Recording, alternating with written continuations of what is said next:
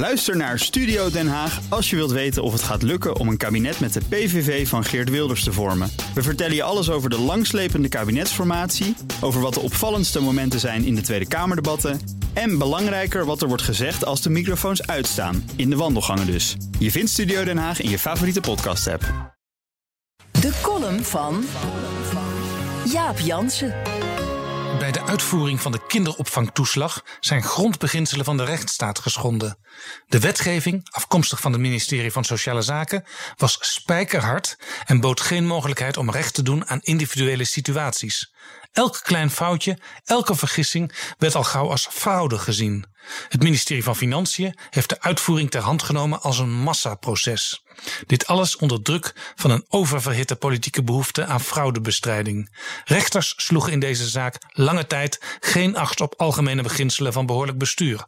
Dit leidde tot een jarenlange situatie van onrecht voor een grote groep ouders. En toen de Tweede Kamer vragen ging stellen, werd ze bij herhaling geconfronteerd met ontijdige, onvolledige en onjuiste informatie. Zelfs de parlementaire commissie die dit onderzocht, kreeg niet alle informatie. Alles wat ik in de afgelopen minuut zei, staat bijna letterlijk in het rapport van de parlementaire ondervragingscommissie Kinderopvangtoeslag. Ongekend onrecht. Het is een verbijsterend relaas. Zelfs de bewindslieden onder wier verantwoordelijkheid het plaatsvond, schrokken van de bevindingen waarmee de commissie hen confronteerde. Dat bleek al tijdens de verhoren.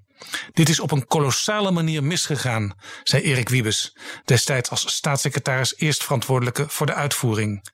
Toenmalig minister Lodewijk Asscher leek nu pas te beseffen wat de overheid had aangericht. Dit heeft niets meer met rechtvaardigheid te maken, verzuchtte hij.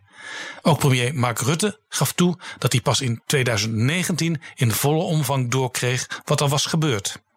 Als een kamerbreed samengestelde onderzoekscommissie zulke conclusies trekt over een kwestie waarvoor heel veel partijen mede verantwoordelijk zijn, dan kun je als kabinet nog maar één ding doen, en dat is aftreden. Dat besluit kan het kabinet zelf nemen aan het slot van het Kamerdebat dat volgende week plaatsvindt, gehoord de beraadslaging en nadat het verantwoording heeft afgelegd. Volgens VVD-fractievoorzitter Klaas Dijkhoff zou aftreden geen zin hebben, want dat heeft zo kort voor de verkiezingen een hoog symbolische waarde, zegt hij. Maar daar gaat het nu juist om. Burgers moeten zich beschermd weten tegen willekeur van een almachtige overheid. In een democratische rechtsstaat moet op zeker moment verantwoordelijkheid worden genomen voor dingen die gruwelijk zijn misgegaan. Het besef dat dit nooit meer mag gebeuren vergt zo'n symbolische daad. Die is juist nu van groot belang. Gelukkig lijkt bij de premier deze gedachte nu in te dalen. Getuigen zijn uitspraak dat ook een demissionair kabinet mentaal missionair moet zijn om de coronacrisis te bestrijden. Hiermee maakt Rutte ruimte voor aftreden. Vervolgens moet uit een nieuw regeerakkoord, welke partijen dat ook schrijven na 17 maart, het besef klinken dat de menselijke maat terug moet. En dat de overheid haar rol moet hervinden als schild voor de zwakken. Bij BNR ben je altijd als eerste op de hoogte van het laatste nieuws. Luister dagelijks live via internet. Bas van Werven. En heel langzaam komt de zon op rond dit tijdstip. Je krijgt inzicht in de dag die komt op BNR, het Binnenhof in Nederland en de rest van de wereld. De Ochtendspits. Voor de beste start van je werkdag. Blijf scherp en mis niets.